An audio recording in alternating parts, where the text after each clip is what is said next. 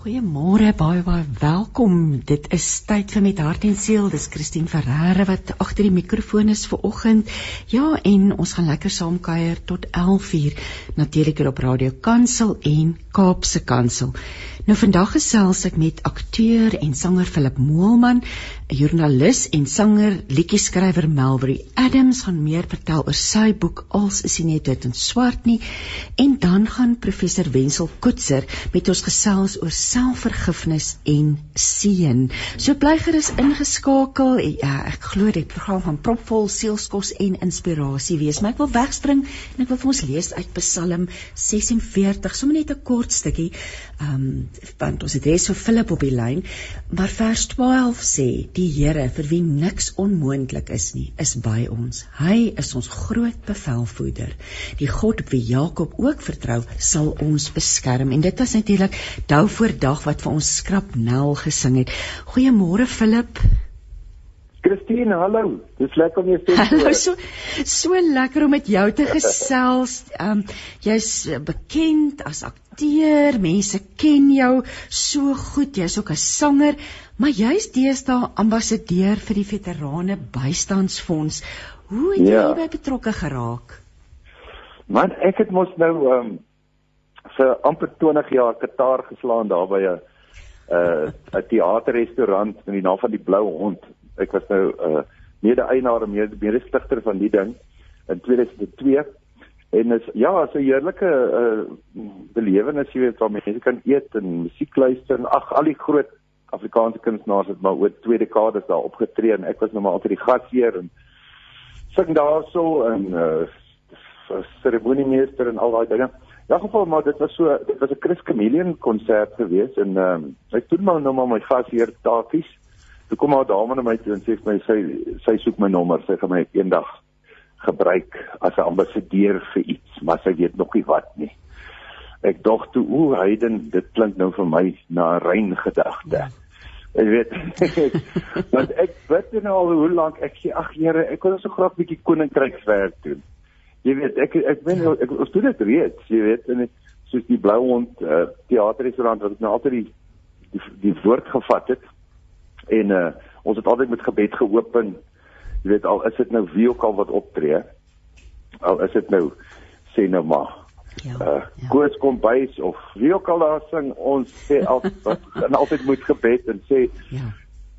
Wie is die baas van hierdie plaas? Jy weet ons bring al daai Here. Ja, ja so mense my ja, altyd ja. koninkrykswerk gedoen en saadjies geplant. Maar ek het vir die Here gevra, ek wil nou graag iets doen wat wat niks met geldgenerering te doen het nie. Jy weet.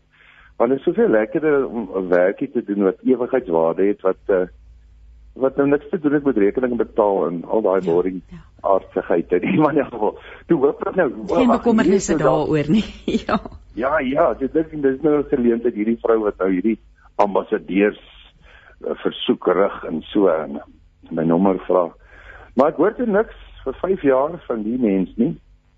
Maar intussen toe word dit op 'n ander maniere waar want ek kry toe nou 'n werkie as 'n as 'n lofsangleier by 'n kerk in Kempton Park. Ja, dit dit ek het hierdie people raak geskryf van lekker kry. Want dit is so fantasties, nê? Nee?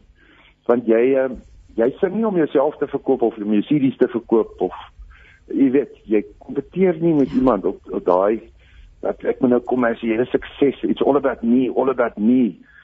Mm. By my CD afterwards, dit is 'n heeltemal 'n ander ding. Jy sis, jy jy skep eintlik net 'n atmosfeer. Hulle hoef nie eens na jou te kyk nie.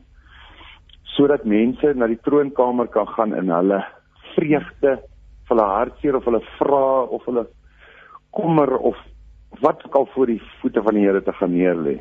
So om 'n lofsangleier te wees, het ek te genoeg. Joeg, dit is nou. Daar's my gebede nou beantwoord word dis nou lekker koninkrykswerk wat glad nie geld gedrewe is nie. Ja, en en ek doen dit nog steeds. Dit is regtig vir my die die hoogtepunt van my week. Ehm um, maar ja, toe kom hierdie ekstra meevallertjie op. Die persoon bel my toe en sê hoor, hierso nee, maar jy moet nou maar inkom. Onthou jy nog? Ek sê ja, ek onthou van 5 jaar terug.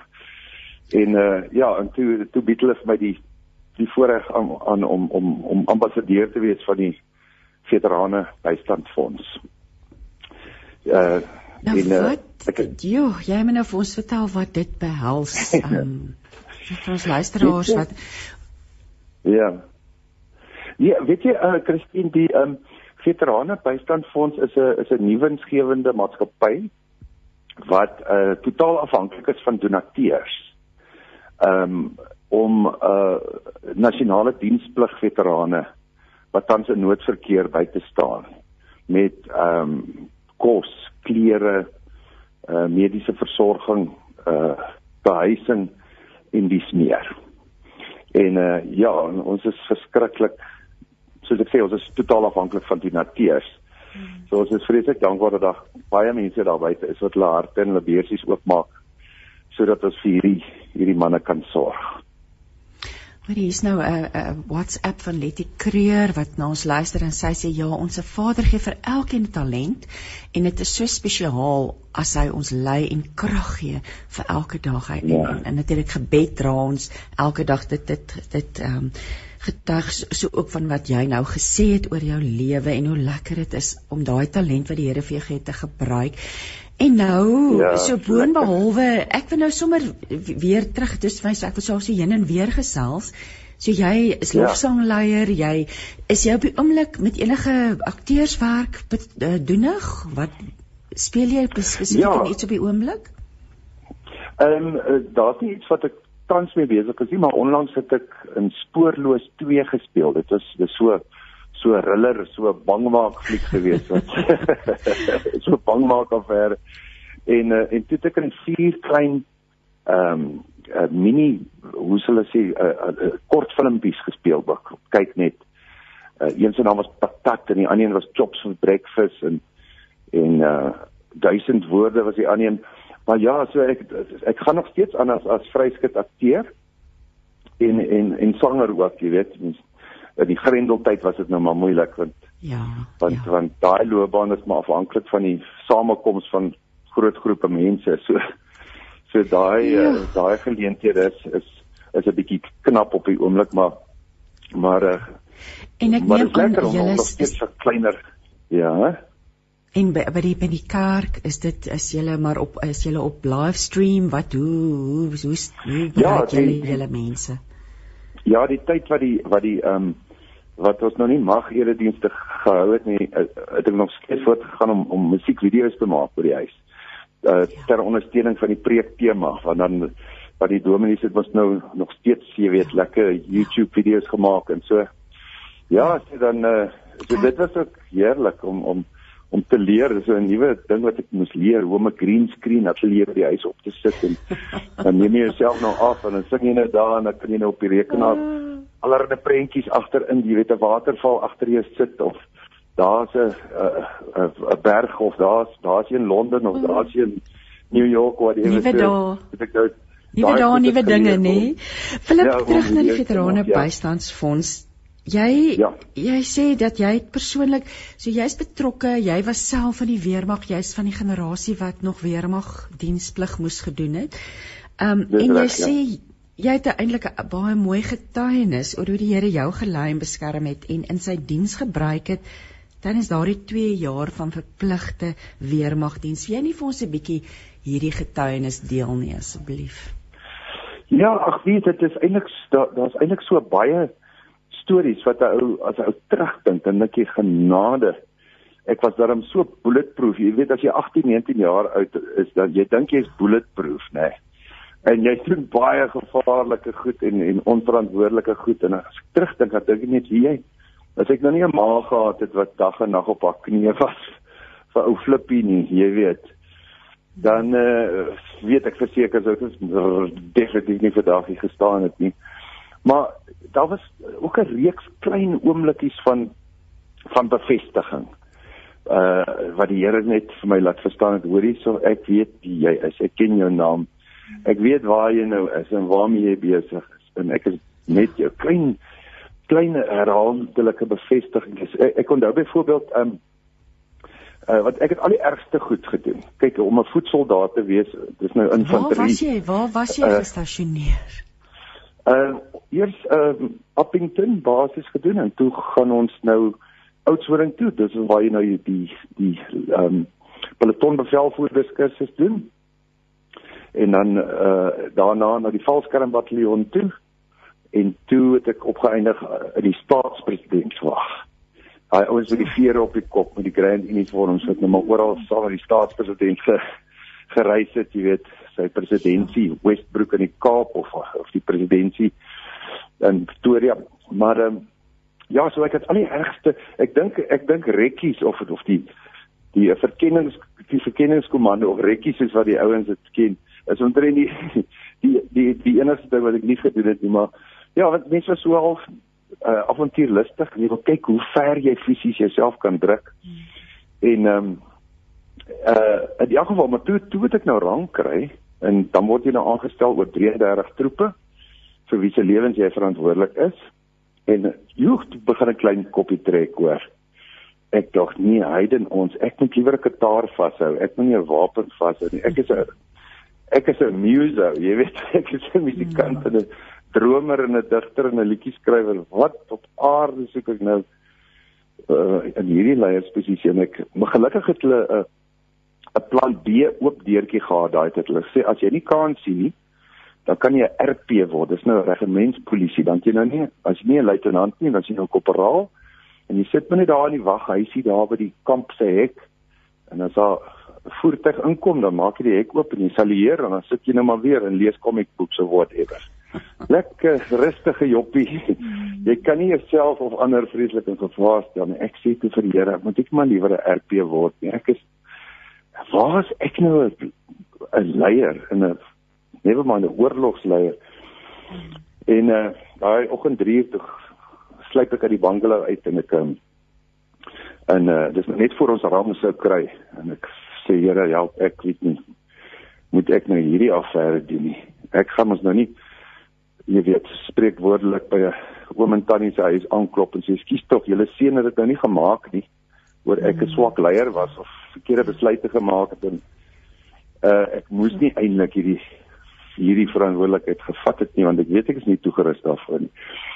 Ehm uh, maar in elk geval nou gebruik ek die Bybel soos 'n dobbelsteentjie. Nou ek sê die luisteraars moet nou nie dink ek staan dit voor dat 'n mens dit moet doen of mag doen nie.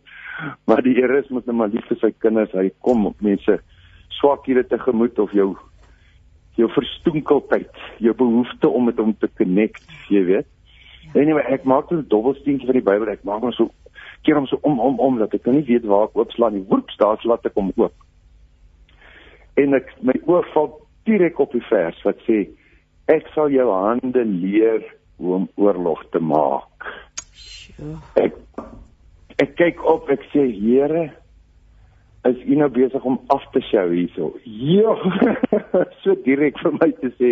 Ja. Wil ek luister na jou, maat. Ek ek is ek is deel van jou jou innerlike conversation wat jy nou hier so het en ek luister ek. Uh moenie worry nie, ek is daar. Ek is met jou en 'n en uh, agterlees ek nou verder. Ek ehm um, sê jou voete maak soos 'n ribbok. Ek sê op hoog hoogtes laat staan. Jy is nie bevrees nie. Ek is met jou. Kyk nie angstig rond nie. Ek is jou God.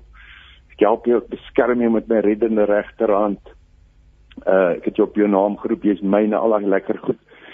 En uh dit is, is 'n hele reeks van sulke oomblikke wat baie te doen het met die woord. En ek wil regtig myself en die luisteraars aanmoedig om meer tyd te spandeer met die woord. Al is dit net 3 minute.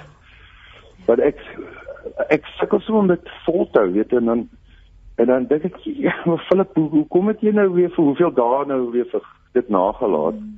Want dit verander my hele dag as ek uh myself met daai breakfast food, daai kos, jy weet. As jy net so een vers vat en jy sê, "Oké, okay, die Here sal vir my alles ten goeie laat meewerk omdat hy my liefhet, my eerste lief gehad het en ek hom nou terug liefhet en omdat ek na sy voorneme geroep is." Oké, okay, dan ry jy in die kar werk toe. Nou dink jy, "O, wat s'hy versie nou weer? O, wag, laat ek dit gou weer opsê." Terwyl daar 'n rooi robot is of wat jy, dan sê, "Oké, okay, die Here sal my alles ten goeie laat meewerk omdat ek hom liefhet en omdat ek na sy voorneme geroep is. En ehm um, later die dag as 'n ou nou weer so in 'n huisbak staan of stil, dan o, wat s'n vers nou weer? En dan spreek 'n mens, spreek 'n mens dit weer uit en jy sê dankie Here, vir my alles Ah. Alles ten goeie se selfs al is dit fout wat ek gemaak het. Dit is swak oorlewing wat ek gemaak het. Of as dit of dit is 'n slegte ding wat van buite af gebeur het of wat ek verantwoordelik vir was whatever. Dankie dat u vir my alles alles alles alles ten goeie sal dit meewerk omdat omdat u my liefhet en ja so ek, so dis daai woord goed daai woord bevestiging mm. dwars deur die weermag tyd wat wat wat soos wonderwerke na my gekom het om vir my te bemoedig. Ja, eintlik. Ja, en krag soos Bletty gesê het, krag gegee vir elke dag.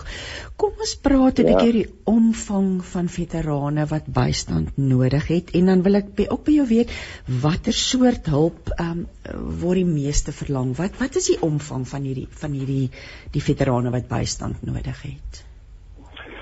Weet jy ons weet nie eintlik nie want ons is ons is op hierdie oomblik net 1 jaar en 10 maande oud.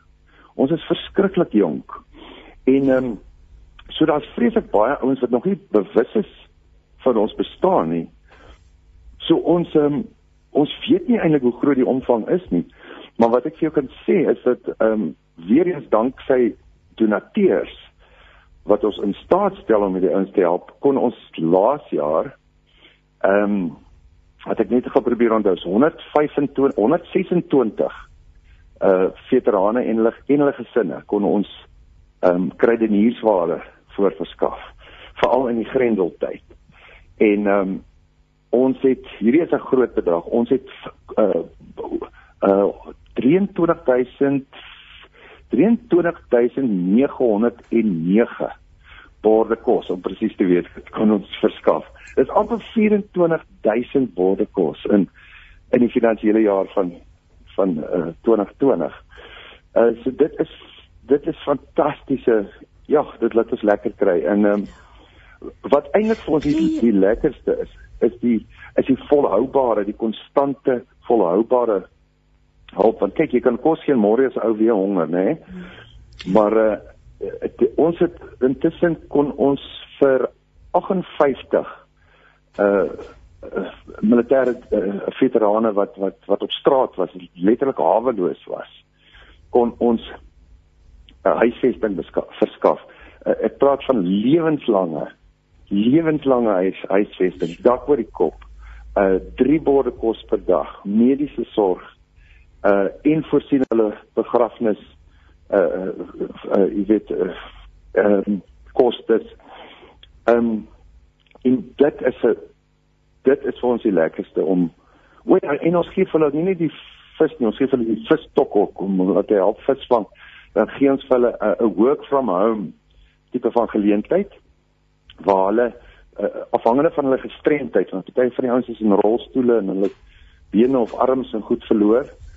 'n 'n 'n work from home, 'n werk van die huis afgeleentheid wat hulle gestremdhede tegemoet kom en akkommodeer. So dan kan die ouens nou lekker selfversorgend raak en weer daai trots terugkry, daai waardigheid terugkry en voel hulle is weer geïntegreer in die in die samelewing.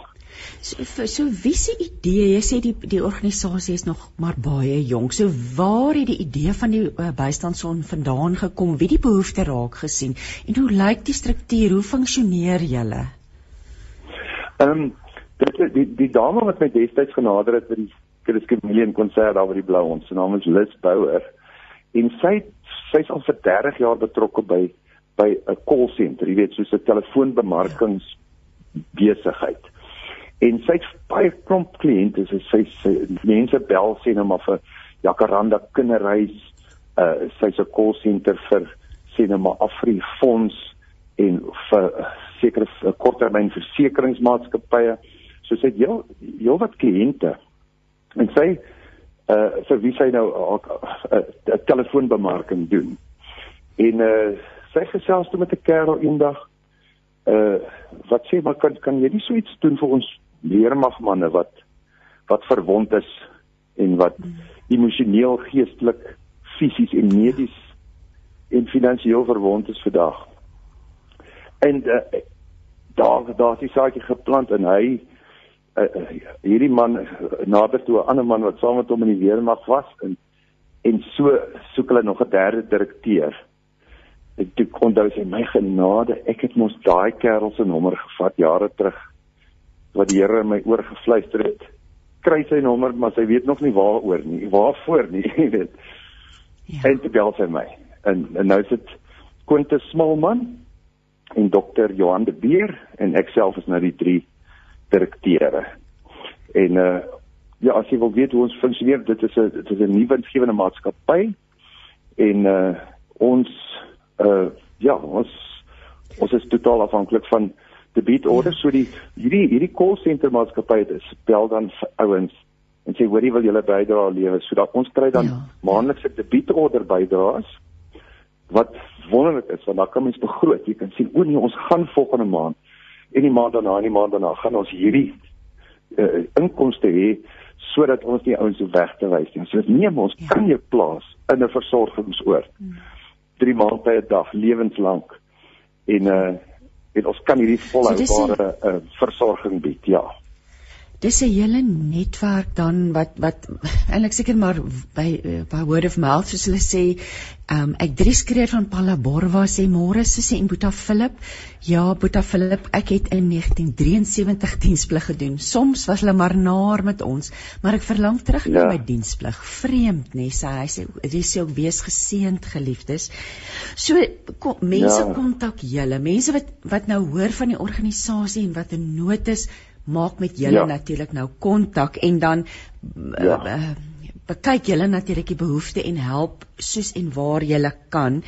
Ek wil nou vir jou ja. vra is daar daar's 'n generasie en mense hoor dit dikwels daar's 'n hele generasie mans in ons land wat betrokke was by die grensoorlog wat regtig soos jy gesê het dalk emosioneel verwond is, geestelik verwond is wat nie noodwendig um vir hulp vra nie. So ek wil nou vir jou vra, is mans bereid om te erken hulle het hulp nodig volgens jou mening? Hoe beleef julle die mense wat kom vra vir hulp?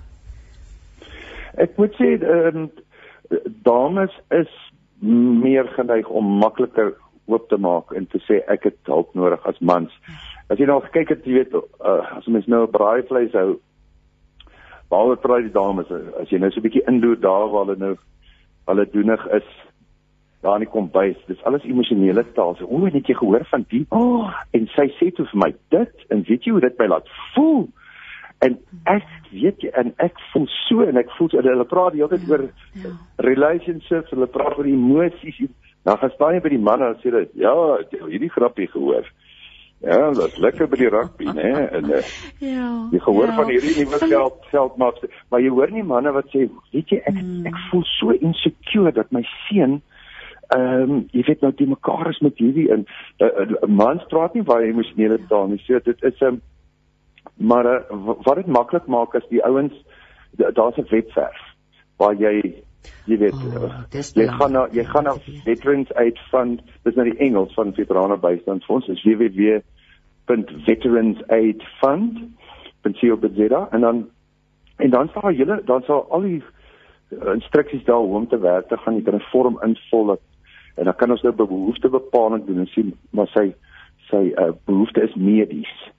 Ehm um, hy het 'n nuwe rolstoel nodig, maar hy kan dit nie bekostig nie of ehm um, of dit is verblyf of dis kos of klere of wat ook al. En dan kontak ons hulle in. Ja. Van die webwerf is dis dis uh, dis anoniem. Jy hoef of nie anoniem is die woord ja. nie, maar dis maklik om na 'n webwerf toe te gaan. Baie makliker is om dis iemand te bel ja. en te sê ek het hulp ja. nodig. Maar Philip, kom ons kom ons gesels bietjie oor die enkelsnit 2 jaar want wat jy onlangs uitgereik het en dit hou verband die natuurlik die, die die titel sê al klaar vir ons, maar dit hou verband met ja. die bystandsfonds. Vertel vir ons meer oor oor 2 jaar. Ehm um, weet jy ek het um, Ag ek het toe, toe ek nou ambassadeur word, toe dog ek maar hoe kan ek my talente inploeg? Dink ek maar, wel, ek is sanger en 'n liedjie skrywer. Kom ons skryf 'n liedjie. En ons hoop hy raak lekker 'n treffer en dan uh en word wyd na geluister. Sommige net om 'n bewusmaking te skep. Dat daar ja. meer bewusmakings uh goeders gebeur rondom wie ons is en wat ons doen. En uh ja, toe, toe ontdek ek 'n klomp weermag fotootjies in 'n ou stowwerige garaasboks en ek was verstom hoe jonk ons was en ek nog 'n baby face gehad man ek dink nie ek het al geskeer nie en uh en daar begin die liedjie in dit maar ek kies toe as prins om om om die goeie glimlag herinneringe neer te pen. Jy weet die die tong in die kies positiewe herinneringe. Eerder as om 'n om 'n om 'n griesame nagmerrie uh terugdink belewenis te skep. Ja. En ehm um, en ja, soos daai uh persoon wat nou net inge ingeskakel het wat sê hy mis nogal sy weermag daai jy daar was uh, meeste van ons het het goed daarvan afgekom. Dit was baie swaar en uitdagend. Maar uh dit was 'n avontuur en die en die en die, die klise gesegde van daai tyd. Onthou ek die ouetjie het altyd gesê die army wat se 2 jaar van my lewe wat ek nooit weer wil oor hê nie. Jy weet dit is so tipiese klise wat die ouens altyd daai tyd gesê het. Maar ja, so ander ouens het nie so lekker en so goed daarvan afgekom nie. So die ehm um, die idee van die liedjie is kom ons dink terug aan die grappige tong in die kies glimlag herinneringe van weermag om bewusmaking te skep sodat sodat mense weet van ons en sodat 'n 'n radio-onderhoud soos hierdie kan gebeur, jy weet, uh rondom die liedjie om die bewusmaking te versterk sodat die ouens weet van ons en weet waar om ons in die hande te kry. Ons het nou amper aan die einde van ons ons tydjie saam gekom vanoggend Philip. Ek wil net vir luisteraars sê dat ehm um, ehm um, ehm um, die jy kan gratis na hierdie liedjie luister. Jy kan die woorde 2 jaar SMS na 31429. So as jy belangstel om te luister na Philip se liedjie, SMS net die woorde 2 jaar na 31429 en dan wil ek net die kontakdetail van die veterane bystandsfonds herhaal. Jy kan die webwerf besoek www.veteransaidfund.co.za. Philip, alles seën en sterkte met hierdie werk, hierdie werk wat jy aangepak het, hierdie ambassadeursrol en ons uh, bid dat die Here dit van krag tot krag sal laat gaan en dat mense sal uitreik en en ja, wat mense wat in nood is, as jy luister en jy weet van iemand vandag, kan jy gerus die boodskap aan aanstuur. So Philip, nogmals dankie vir jou tyd vanoggend. Baie baie dankie Christine. Ek waardeer dit so man dat dat ons kan dat jy het ons die geleentheid gegee om 'n bietjie te gesels en en net die mense bewus te maak.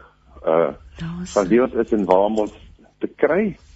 En ehm um, en ja, ek ek ek moedig my net myself en almal wat luister aan spandeer elke dag tyd. Al is dit 'n ou kort kort stukkie woord. -hmm.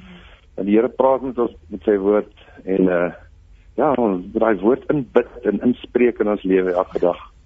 Sodat Christus meer in ons kan word en dat sodat ons self sonder om vinger te lig of sonder ons mond oop te maak dat Christus God se oneindige liefde uh met Christus Jesus deur ons kan skyn na ander sonder dat ons te hard hoef te probeer.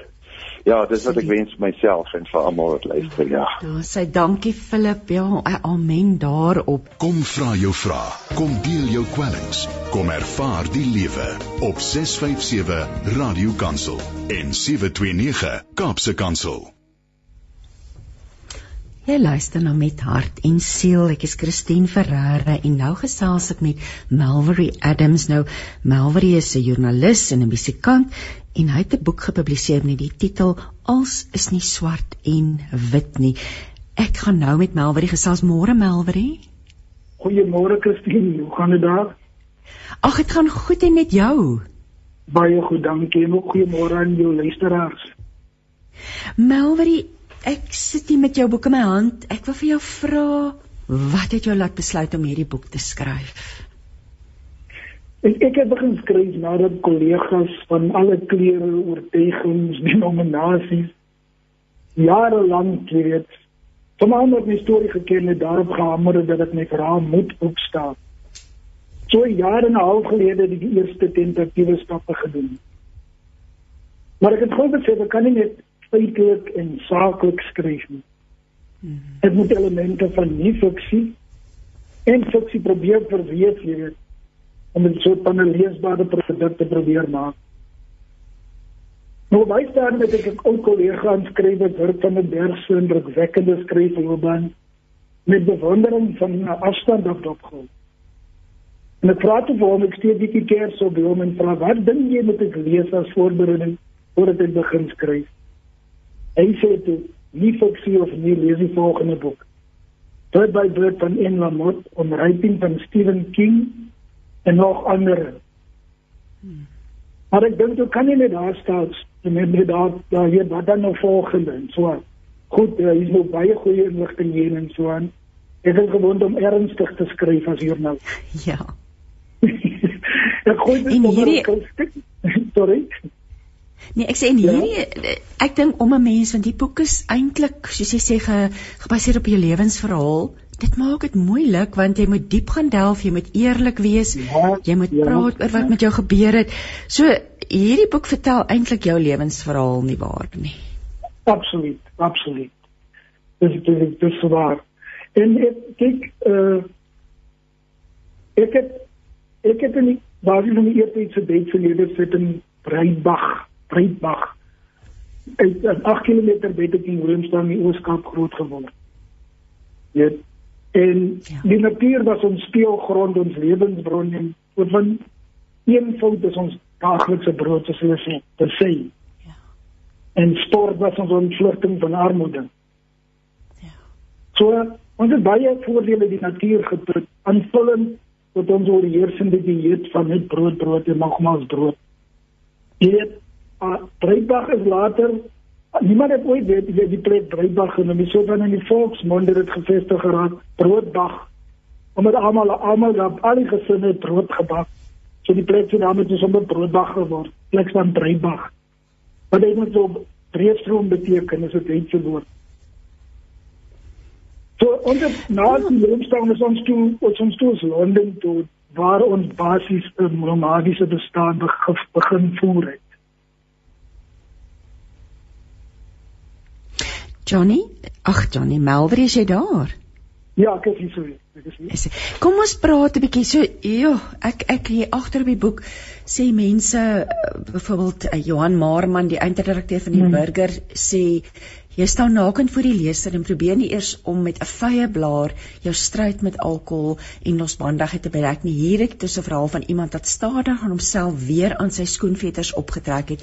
Jy loop elke tree met Adams in sy boek van wanhoop tot 'n lied in die hart.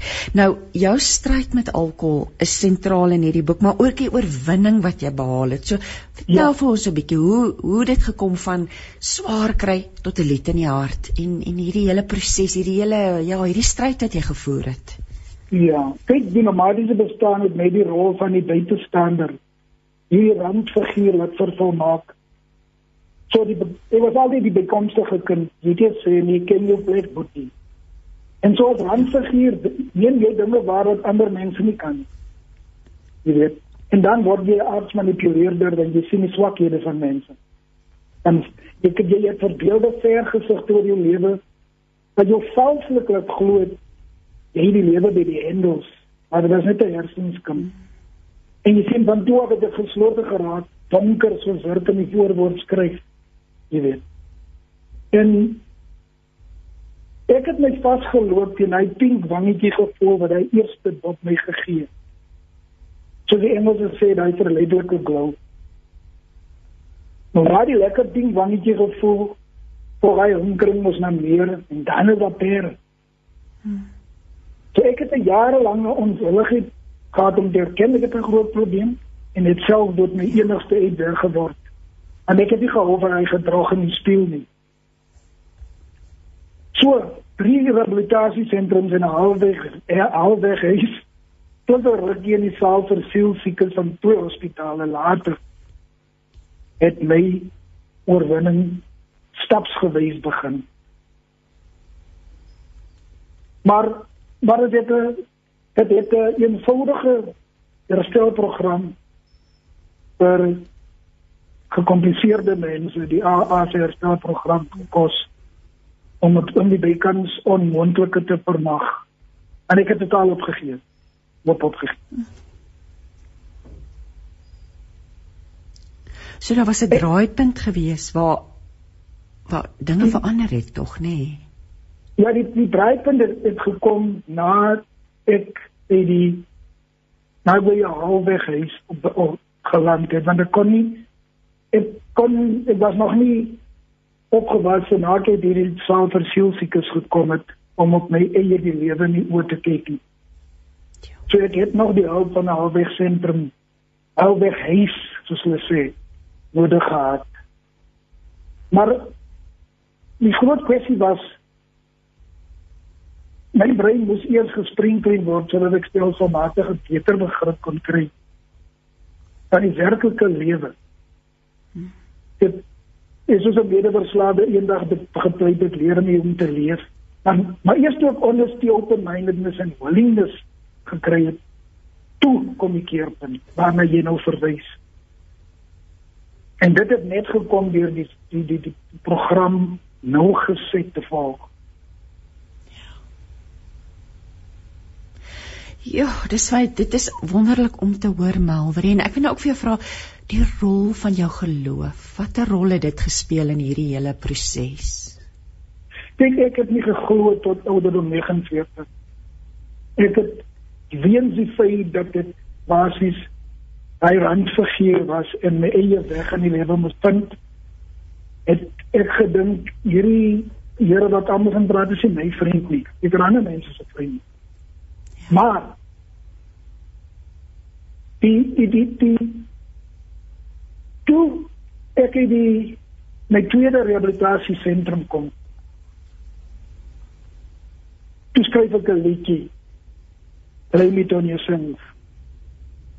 Nou, musiek was van kind, kinderjare af, uh, so van in ons bloed en my neef was 'n populêre sanger in die 70's, dit Little Colin and the Prunes. Hy het hierdie liedjie Shura Shura gehad. So ek het nie geweet ek kan musiek skryf nie. Dis een van die wonderwerke wat gebeur het van 'n herstel. So ek het gaan stap. Nou, waarom ek by die liedjie begin, want dit was my reis na 'n verhouding met die Vader, deur my liedjies. Kyk, my liedjies is basies die klankbank van my lewe. So toe ek bly nie om jouself skryf en dit vertaal in Afrikaans, het ek basies verantwoordelikheid. Ek het erken dat ek magteloos oor alkohol is. Onwetend basies het ek dit gedoen deur dit verwoord het jy het in hierdie liedjie bly met homself en verantwoordelik aanspreeklikheid aanvaar met dade. En dit iets in my aangewakker. Ek het 'n oop mens geword. Hy donkerheid het begin lig, het 'n lig begin skyn. Toe volg ek hierdie liedjie op met daardie ene free from myself. En net vanaand weer die die die, woorde net so vanaand 'n paar lyne lees van die in die liedjie, in die lirieke.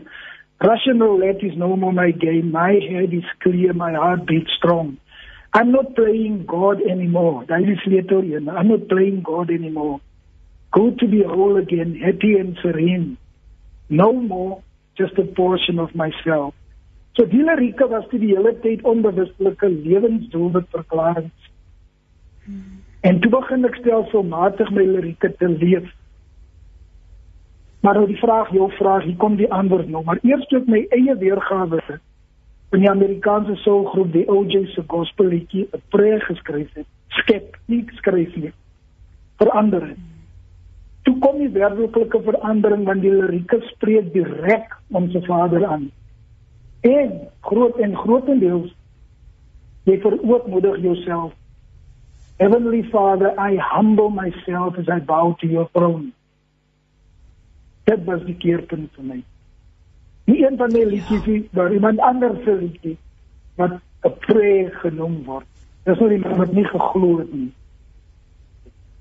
En het ek die waarde en bestaan van 'n lewende God begin ervaar. En en belangrik internaliseer en in die proses verhoed dat ek soos tot Anastasia en haar lesers indruk opgemerk het. Verhoed dat ek 'n unlived life sterf. Ja. Malveri, jy bring soveel hoop. En ek dink dis partykeer ek het nou die dag geluister na Trevor Hudson wat preek en sê ons moet party we need to move through the pain to be healed. Ja.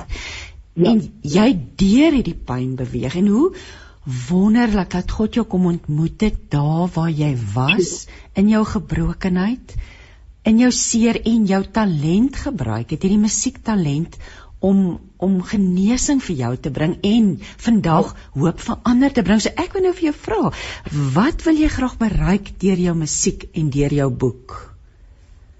Kyk, die musiek en die boek se boodskap loop hand aan hand. Dit was nie beplan nie, maar dit is nog toevallig so. Maar in in in in die recovery in die, in die recovery program sê hulle dat dit dan van toevallighede, hulle noem dit God incidents. So ek omarm daai beginsel. Alles vir my is 'n God incident, nie meer 'n toevalligheid nie. En die, boodskap vir my baie so iets is useless mense en dit is nie boodskap nie. Maar net verlore siele.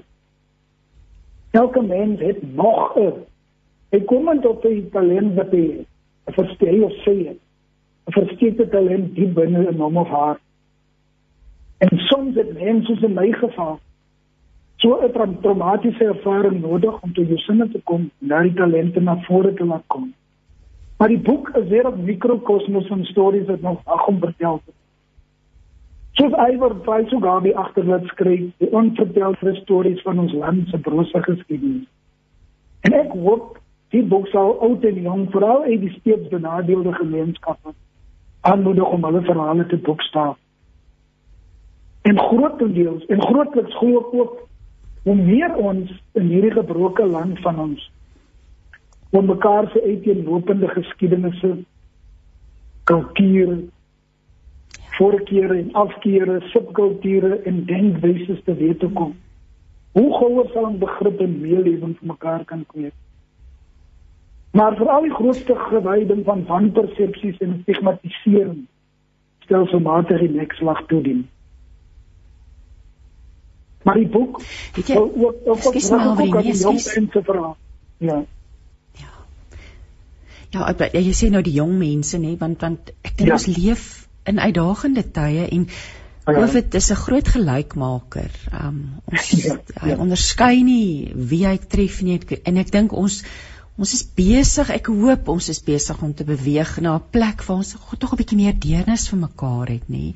Ja. Want ek sien ook Iwer Iwer sê ook dat die temas verwerping en verdriet ek wil daai die verdriet ja. van verwerping word natuurlik ook jy praat daaroor ook en natuurlik as ons dit goed in die lig bring kom maar genesing ja. kom die waarheid maak ja. ons vry nê absoluut absoluut en Melvin skies tog ja nee gaan voort ek ek luister nee ek wil vir jou vra ek wil nou ook vir jou vra bedoel jy het, het 'n harde pad geloop. Jy het, het moeilik groot geword um, en en jy, jy regtig jy jy jy jy het, jy het die prys betaal en jy het ook die kennis van die prys wat vir jou betaal is deur Jesus se kruisdood en wat jou vrygemaak. So ek wil nou vir jou vra as jy vandag kan vir ons luisteraars sê wat is die grootste geloofs- en lewenslesse wat jy deur hierdie hele pad geleer het? Wat sou jy sê is dit? vandag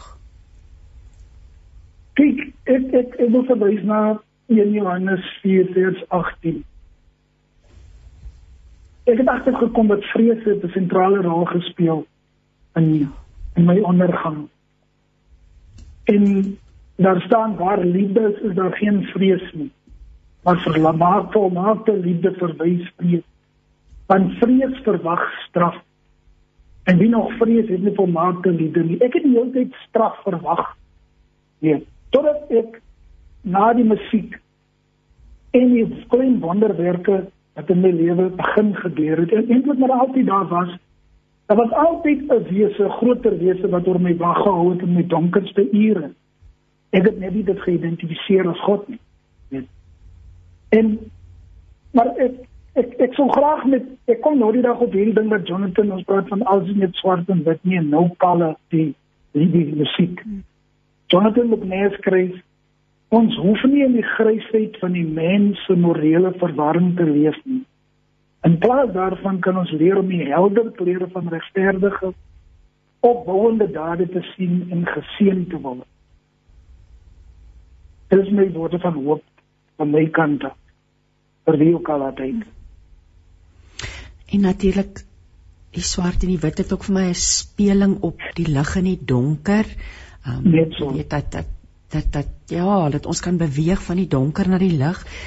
Kom ons praat 'n bietjie oor oor uh, bevryding want daar word gereeld verwys die woord word gebruik in die boek ook en hoekom dink jy is bevryding so belangrik in hierdie hele genesingsproses?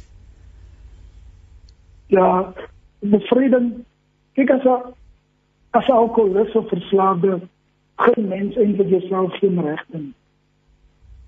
Jy sou net met enigiets mee doen as jy besoek is, jy kan niks aantrend nie. En hoewel 'n geestelike of altruïstiese soort van oplossing vooropgestel word, was dit in my geval nodig om in die eenheid vir sielsiekes opgeneem te word. En ek het baie my sin verantwoordelikheid verloor. Hier omdat ek my sin verantwoordelikheid verloor het, het my regte verloor. So ek vir my was persoonlike vryding kom eers wanneer mense hy psigiese en hartverandering in wese 'n persoonlikheidsverandering moet ondergaan. Maar as ver dissipline en bovenal geloof in, in iets het ek uitgevind of iemand groter, magtiger en veral slimmer as jy. so, sorgbaar of onsorgbaar. Jy weet. En in my geval het ek hierdie ware vryheid ervaar toe daai bykomstige kind, die ander uitgeslote kind as volwassenes het 'n ware plek in die samelewing ingeneem het. En en en die wonderwerk daarvan is toe vorder ek van leer my hoe om te leef tot leer my hoe om te bid. Ja. En dit sjoe, hy leer my hoe om te bid was die bevryding. Jy skryf in die boek jy sê my nuwe lewe is nie 'n nuwe begin nie, maar 'n nuwe einde. Ja. ja. Jy jy verwys ook na Dawid wat sê Dawid se storie het nie geëindig toe die klippie in in die reus Goliat se kop weggesink het nie. Dit was ook nie sy laaste nee. reus nie. So ja, jy jy jy sê jou storie het ook nie geëindig nadat jy self jou nadat jy self doodpoging oorleef het nie. So Melvry, jy was in die donkerste donker en en en tog kan jy vandag getuig en sê dat daar's hoop. Jy sê ook die uitputtende gejaag na wind van poste, titels, erkennings en toekenninge het vir jou gewyk. En Romeine 12 vers 6 tot 8 is waar volgens jy leef en jy praat oor die gawes van bo. So kom ons praat 'n bietjie oor oor die genadegawe. Jy jy jy sê baie spesifiek jy wil graag ja, jou die genadegawe om God se woord te kan verkondig.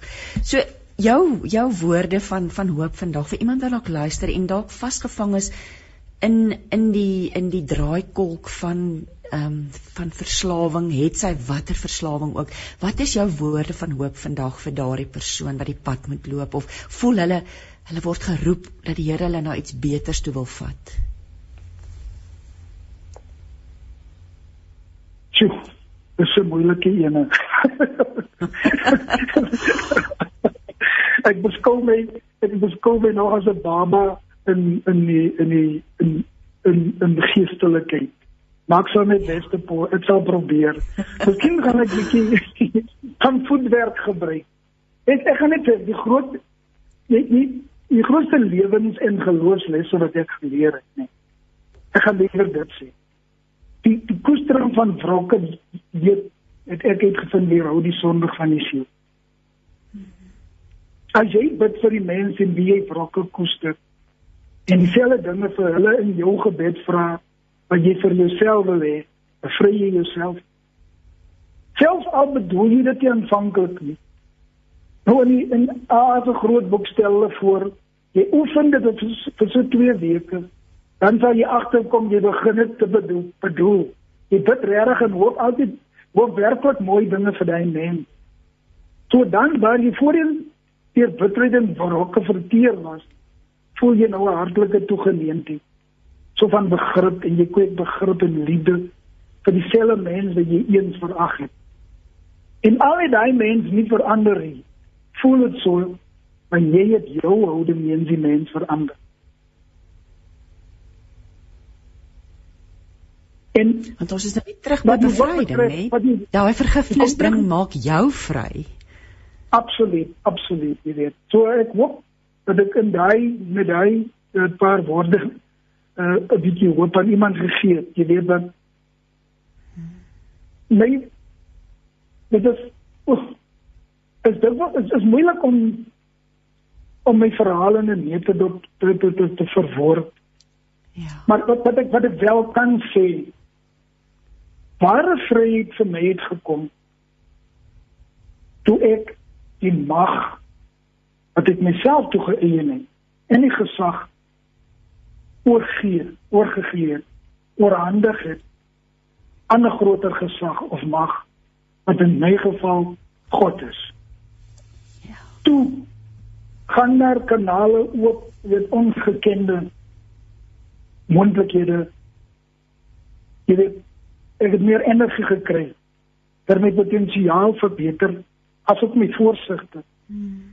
En toe kon ek sommer boeke 'n boek skryf en liedjies komponeer. Ja. Punt is net met jou hart oopmaak. Ek weet dit is nie maklik as 'n mens daar in die donker gat sit nie. Dit is 'n pynlike proses, maar mens moet eers begin. En jy weet, die eerste stap van van van AA van hy 12 stappe. Die enigste stap wat mens 100% kan vir die erkenning dit probleem. Hmm. Erken dat jy magteloos is oor alkohol of enige dwelm wat 'n ander dwelm ook al. Ja. En van daar af loop mens maar die pynlike pad en die die beloning is soeter as wat die soetste soetwyn kan wees. Hmm. Ja, dis mooi woorde. Die beloning is soeter as die soetste soetwyn. Jo, dit klink dit klink poëties. Dit klink soos soos, soos digterswoorde daardie Mallory. Um Mallory, as mense wat graag hierdie boek wil lees, dit word uitgegee deur Naledi. Waar kan mense die boek in die hande kry? Waar kan mense jou CD ook in die hande kry?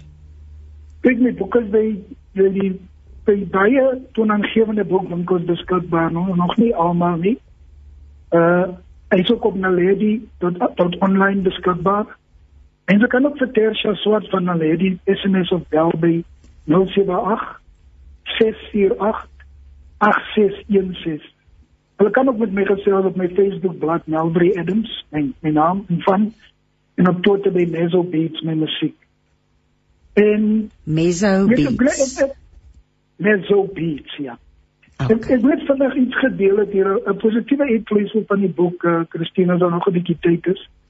Is dat die owerberse OK, is dat die owerberse streek van die Weskaapse Onderwysdepartement hulle 200 boeke bestel om dit aanvullend tot hulle lewensoriënteringsleerplan plan aan te wend.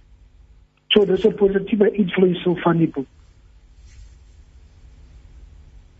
En natuurlik jong mense te bereik, want die probleem begin al van jongs af, nê. Nee. Dit is nie ons sien dit, ons hoor dit, ons lees dit, ons ons dit is nie 'n uh, volwasse volwasse probleem hierdie nie. So ja, wat 'n pluimpie vir jou dat dit weet en ek, ons hoop dit sprei uit ons hoop dit dit verbreek dat dit nie net daardie streek sal wees wat die boek ja. net aan die jong mense voorhou nie absoluut ons hoop so Malvery, so ek gaan net dit herhaal. Die boek se titel vir luisteraars uh, wat graag wat dalk dit dalk nou gemis het.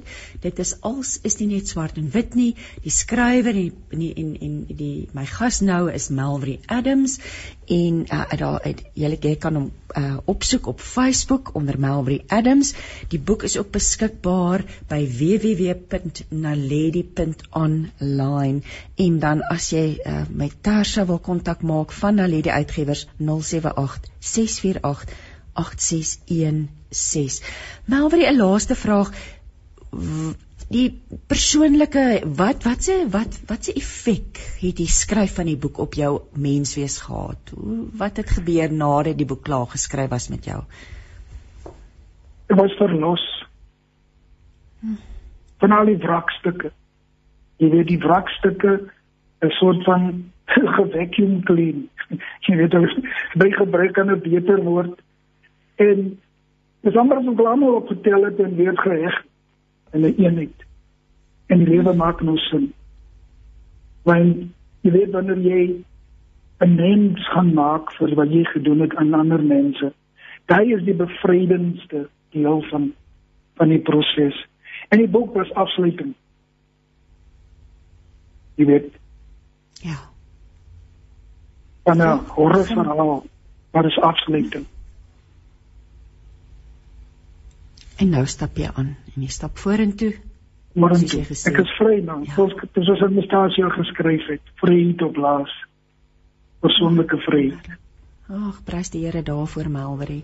Ja, absoluut. verskriklik dankie dat jy met ons gesels het, jou hart oopgemaak het en dankie ook dat jy die boek geskryf het. Ek bid die Here se seën oor hierdie boek en dat Baie dankie, dit in die regte hande sal beland, dat dat mense deur jou swaar kry bemoedig sal word om te sien hoe 'n mens oorwinning kan behaal oor baie moeilike dinge. Ons prys die Here daarvoor. Absoluut. Ons prys hom. En baie dankie aan jou ook Christine vir die geleentheid en aan Radio Kansel vir die geleentheid en leef. En mooi dag aan jou en jou luisteraars. Selfde vir jou Melvery, ons ons ons bid die Here se seën. Kom vra jou vrae, kom deel jou kwellings, kom ervaar die lewe op 657 Radio Kansel en 729 Kaapse Kansel. Jy luister dan met hart en siel. Ek gaan nou gesels met professor Wenzel Koetser uh, van Potchefstroom, 'n uh, baie bekende 'n beraader en en en en, en teoloog. En Provinsie het onlangs twee nuwe boeke gepubliseer. Die eerste is oor selfvergifnis en ons gaan in 'n volgende program daaroor gesels, want toe ek begin delf en en kyk na die tweede boek, die boek oor seën, het ek besef ons het hier 'n lang gesprek nodig. Môre Provinsie. Hi Christine, lekker om weer met jou te gesels. Ag, absoluut. Ek het so uitgesien na hierdie stuk gesprek vandag. 'n Baie interessante boek wat met die tema mense en ek dink dit is ook die titel, mense wat beroof is van hulle seën. Jo, eh, wonderlike wonderlike tema. Vertel vir ons 'n bietjie meer. Wat het jou laat besluit om hierdie boek te skryf? Weet jy Christine, ek het die voorreg gehad die afgelope 20 jaar om so elke tweede jaar die Amerikaanse vereniging van uh uh American Association of Christian Counselors, hulle wêreldkonferensie wat elke tweede jaar is by te woon. Weet jy, daar het ek 'n werkswinkel bygewoon van uh, John Trent en Gary Smalley wat uh, toe- wat 'n boek geskryf het. John Trent het 'n proefskrif gedoen in Ou Testament oor hierdie tema van seën en basies na al die plekke in die Bybel gaan kyk waar een persoon 'n ander persoon geseën het. En sy sy gevolgtrekkings resultate was dat daar veral vyf elemente is wat altyd daar is as een ander een geseën het. En toe hy en Gary Smalley die die proefskrif populêr verwerk en uh, dat die gewone ou, jy weet, dit mooi kan verstaan. En uh man, dit dis ek het net besef dis 'n aangrypende tema. Ek het nou tans so ongeveer 60 temas en as ek hierdie ene aanbied, hy's oor die lys. Ek kry oorweldigende terugvoering daarvan. Ek het dit toe verwerk, vertaal, kern uitgehaal en voorbeelde bygewerk en nog bietjie so twee hoofstukke bygesit en dis nou basies die boekie. Ek wil nou sommer ons ek wil nou nou vra oor daai elemente van seën, die vyf basiese elemente van seën, maar seën ons mekaar genoeg? Is dit 'n gebruik want dit het die gebruik nie maar verval nie. Ja, nee, hoorie verseker. Ek dink uh ons ons besef by verre nie die krag daarvan nie. Ek dink mense kan dalk sê dit dit baie veralgemeen geraak en baie oppervlakkig geraak en en soms sommer deel klisjées geword van ons algemene spraak en ons dink ons sê mooi dinge maar as mens gaan kyk hoe dit hier uitgespel is elkeen van hierdie vyf baie spesifiek dan dan besef 'n ou jong dit, dit lê baie dieper ek dink as wat ons dit meeste van die tyd doen teenoor mekaar Kom ons praat oor hierdie basiese elemente. Wat wat is die basiese elemente van seën? Nou as ons dit sommer baie baie kort moet opsom, die eerste een sinvolle aanraking, die belangrikheid van dat ons aan mekaar moet vat. Uh Ja, By- en nou ek- sit ons in hierdie pandemie wat ons Ja. so op 'n afstand moet bly, nê? ja, maar kom ons Ja. sê in die eerste plek binne gesinsverband. Sinne, ja. En ja. en dan dan dan het ek so baie keer al verhale gehoor van iemand wat sê uh sy pa en sy ma het nooit aan hom geraak nie. Van kleintyd af, hy kan nie onthou dat hulle ooit aan hom geraak het of vir hom drukkies gegee het nie. So daai baie belangrik. Die tweede een uh as een persoon 'n ander persoon geseën het, dan was daar 'n baie spesifieke bewoording en daar's daar was 'n gesproke boodskap en gewoonlik positief en veral rondom kwaliteite, talente en gawes en dit wat jy wat jy oplet in die persoon se lewe. Dan die derde een, die hoë waarde wat geheg word aan die persoon. Uh die potensiaal wat jy raak sien. Die vierde een, die mooi toekoms wat gevisualiseer word. Uh baie keer sal 'n ouer vir 'n kind sê man jy's niks werd, jy's net 'n mislukking, jy gaan nêrens in die lewe kom nie dis presies die teenoorgestelde. Hier gaan dit daaroor dat ons sê ek sien jou talente, ek sien jou gawes. Ek sien die Here jou gaan gebruik.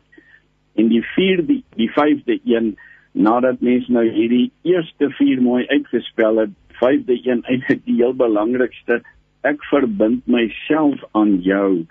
En hierdie mooi dinge wat ek vir jou gesê het wat ek dink die Here, die Here uh, hoe die Here na jou kyk ek wil jou help en ek gaan met jou die pad loop dat hierdie goed 'n realiteit kan word.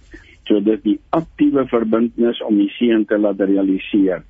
En ek dink dis baie keer kan ons vir mense mooi dinge sê, maar ons sien nie noodwendig kans om dalk saam 'n pad te loop om sommige van daai dinge te laat realiseer nie en sonder hierdie vyfde een val alles eintlik plat. Ja, want dit is daai verbintenis. Kom ons gaan terug na seën in die Ou Testamentiese tye. Jy verwys na Esau. Hy's absoluut 'n voorbeeld van seën wat misgeloop is. Kom ons vertel vir ons 'n bietjie meer rondom Esau. Wat wat presies moet ons ja. hoor? Ek dink dis waarskynlik uh, een van die heel eerste voorbeelde veral in die Ou Testament waar waar dit so aangrypend na vore kom. Daar in Genesis 37 vers 34 lees ons toe Esau hoor wat sy pa sê. En dis nadat sy pa hom nou ingelig het dat sy broer Jakob eintlik klaar sy seun gesteel het. Toe hy hoor wat sy pa sê, het hy hard en bitter begin skree en by sy pa gepleit: "Pa, seën my tog ook." Die een Engelse vertaling sê bless me, me also, oh my father. Oh. En dan weet ons uh uit die uh Ou Testamentiese geskiedenis as daai seën eers een keer gegee is vir al hierdie seën vir die oudste kind waaroor dit hier gegaan het. Dan dan was hy gegee. Sy pa kon nie die seën terugtrek wat uh, Jakob uh uh wat ja wat sy wat sy broer ontvang het en nou dit vir hom gee nie dis klaar gegee. En uh, hy seën hom toe ook maar dit was nie dieselfde seën nie Want as ons so vinnig bietjie kyk, daai spesiale seën vir die oudste kind, die eersgeborene, as dit 'n dogter was, het sy die reg gehad om te trou voor enige jonger suster. En ons ons onthou die uh, geval van Lea en Rachel. Uh uh die die gebeure rondom hulle troue. Uh Lea het het het uh, die reg gehad om eers te trou, daarna Rachel dan spesiale voorregte ten opsigte van erfporsies. Seuns het 'n dub, dubbel die erfenis ontvang in vergelyking met enige ander broer. En en dan besef mens hoeveel dit Esau eintlik prys gegee ter wille van 'n bord kos. En dan hierdie seun sou ook die leier van die gesin wees indien die vader sou sterf, hy sou ook die geestelike leier wees. So in in kort was dit die inhoud van daai spesiale seun en Esau besef hy het dit misgeloop. Jong en, en jy weet dan kan ons sê hierdie hierdie kreet van Esau weer klink steeds deur talle wat nie hulle gesinne en veral hulle hmm. ouers se seën ontvang het nie en mense loop 'n leeftyd lank met die pyn en en die soeke en die roepe en en hulle hulle raak soms by allerlei uh dinge betrokke soos byvoorbeeld verslawing wanneer die emosionele pyn te oorweldigend raak dan raak hulle by verslawing betrokke dis dis tydelike ontvlugting want want hulle het nie die seën ontvang wat hulle toegekom het nie Ja, weet jy, as ek so na jou luister, Wensel, dan as mens kyk die hoe groot die impak van die seun was in die Ou Testament, behoort dit mos vir ons nou 'n aanduiding te gee van hoe belangrik dit is. Kan 'n mens dit regmaak? Hier is dalk mense wat luister, ek is nooit geseën gewees of mense wat dink oh, ek het nie my kinders waarskynlik genoeg geseën nie. Kan ons dit kan ons dit regmaak? Is dit ooit te laat?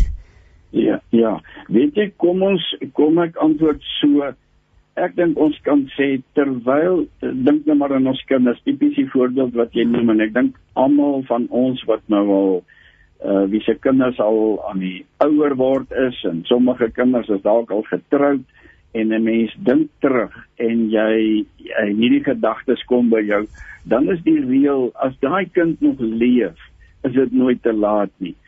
En ek self moes al teruggaan na my kinders soos wat mens meer wysheid kry met die jare en hulle gaan sê vergewe my vir dit en vergewe my vir vir vir daai insident. Ek besef nou uit onkunde het ek gefouteer.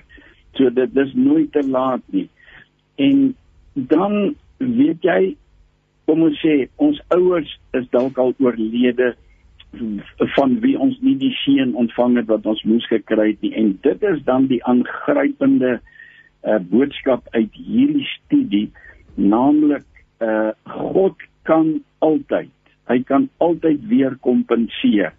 En ja. en hoe hy dit doen, al is my biologiese familie nou al oorlede, my broers, my susters, my ouers van wie ek die seën moes gekry het, dan kan ek nou deel word van God se familie, God se geestelike familie, naamlik sy kerk, sy gemeente en daar is geestelike ouers en geestelike broers en geestelike susters en die kerk is toegerus om al vyf hierdie elemente wat ons genoem het om al al vyf hierdie elemente aan mekaar te kan gee. Die fisiese aanraking die uitspreek van mooi woorde die die verbintenis om saam die pad te loop. En ons weet daar's daar's so baie sulke mooi getuienisse. En en in hierdie boek is daar heel wat sulke voorbeelde van mense wat dan jare later deur God se geestelike familie het hy kom kompenseer het hy daai emosionele vakuum kom vul die pyn genees en en met mense werklik saam met die Here 'n nuwe pad geloop. Ag, oh, dit is wonderlike woorde van bemoediging nê nee, om te weet, joh, die Here kom en hy kompenseer vir daai gebrek aan seën. Kom ons praat bietjie oor die krag van aanraking en hoe jy sê sinvolle aanraking kan seën bring in verhoudings. Ja. Weet jy daar's daar's baie wonderlike navorsing gedoen rondom die die krag in sinvolle aanraking. Ons ons weet dit daar's natuurlik nou die negatiewe kant ook uh dink maar aan verkrachting, molestering, dan's daar ook aanraking, maar maar ja. dit is pyn, dit is trauma. So hier praat ons van sinvolle aanraking, die die krag wat daar is in ons vingerpunte. Uh en ons moet dit nie onderskat nie en en soos ons gesê het by elkeen van hierdie voorbeelde uit die skrif was daar gewoonlik fisiese aanraking. Isak het byvoorbeeld vir uh vir Jakob gesê net voor hy hom geseën het kom nader en soen my my seun. En en Jakob was op daai stadium waarskynlik al ten minste 40 jaar oud.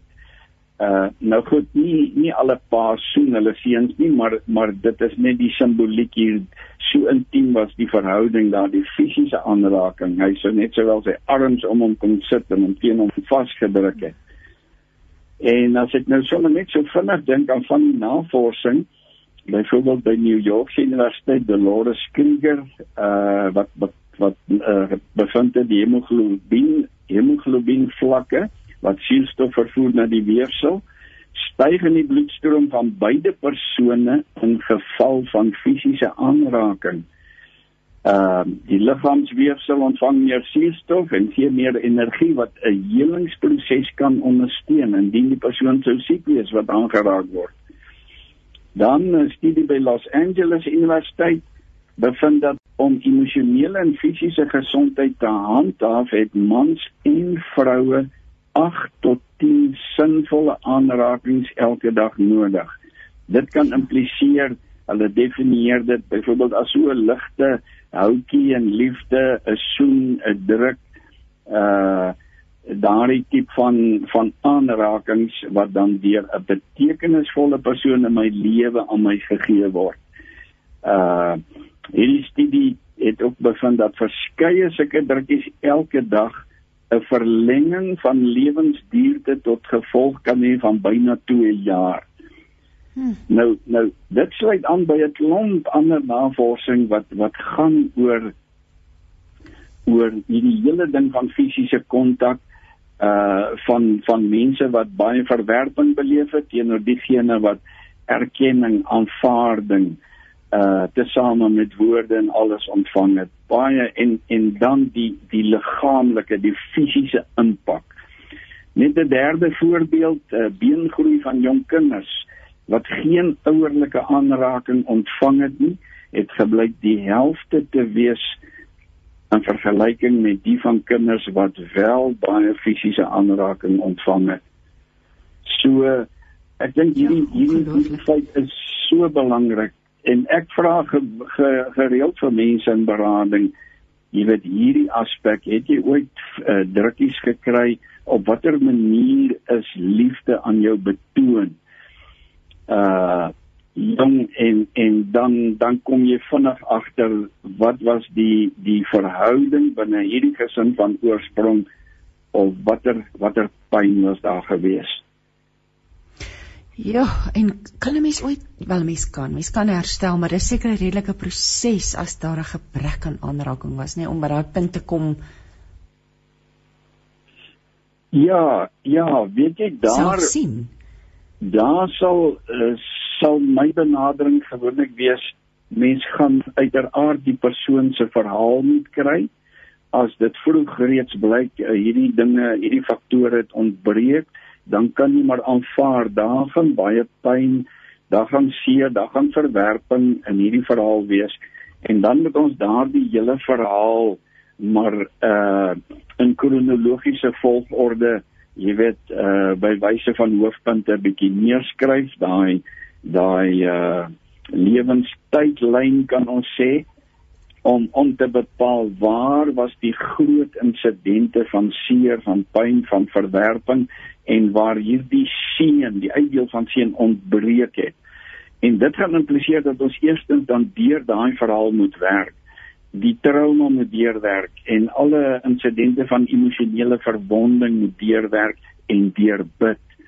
En dan terselfdertyd bid daar waar die groot hartseer was dat God die Vader jy weet 'n stroom van liefde, van heling, van genesing sal dit inbeweeg om om aan te raak, om te heel.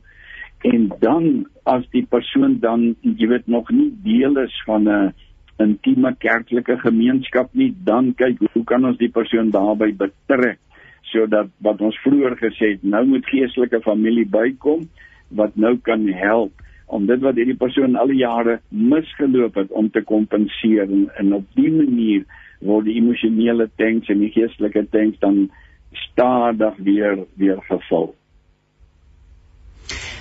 Wens ek kom ons praat 'n bietjie oor die woorde van seën. Jy sê daar gebeur iets as ons woorde van seën terughou. Ja. En hoekom is dit ja. so moeilik vir ons? Wat keer ons om dit te doen om om om mense met regtig woorde van hoë waarde te seën? Ja. Weet jy as 'n mens nou so in die praktyk vir vir mense vra, nou hoekom sê jy nie daardie uh daardie belangrike dinge waaraan jou kind of waarin jou huweliksmaat so behoefte het nie? Uh tipiese tipiese redes sou byvoorbeeld wees. Ek wil nie sy ego opblaas nie. Of as ek hmm. hom begin prys uh, dan gaan hy dit later uitbuit. Of ja. ek weet nie wat om te sê nie. Of hulle weet ek het hulle lief en ek hoef dit nie vir hulle te sê nie. Ek ek doen genoeg dinge wat dit bewys. Ek hoef dit nie te sê nie. Of die ou wat sê as ek eers begin het dan sal ek moet aanhou daarmee Weet jy, dis tipies wat wat in die praktyk na vore kom, maar maar dan ten diepste heel heel dikwels is die diepere oorsaak die feit dat ek as ouer wat dit moeilik vind om hierdie dinge aan my kinders te gee, ek het dit self nie ontvang nie. Ek het nie die rolmodelle gehad in my ouerhuis nie en en nou weet ek nie hoe om dit te sê en ek weet nie hoe om dit te doen nie. En weet jy as ek as ek maar terugdink aan aan my eie ouerhuis, uh iemand soos my pa het het bitter moeilike kinderjare gehad uh uh kwai stiefma en 'n pa wat nie fisies betrokke was nie. Uh so my pa was nie toegerus en ons het groot geword sonder enige fisiese aanraking alhoewel daar altyd kos en klere en al die ander dinge was.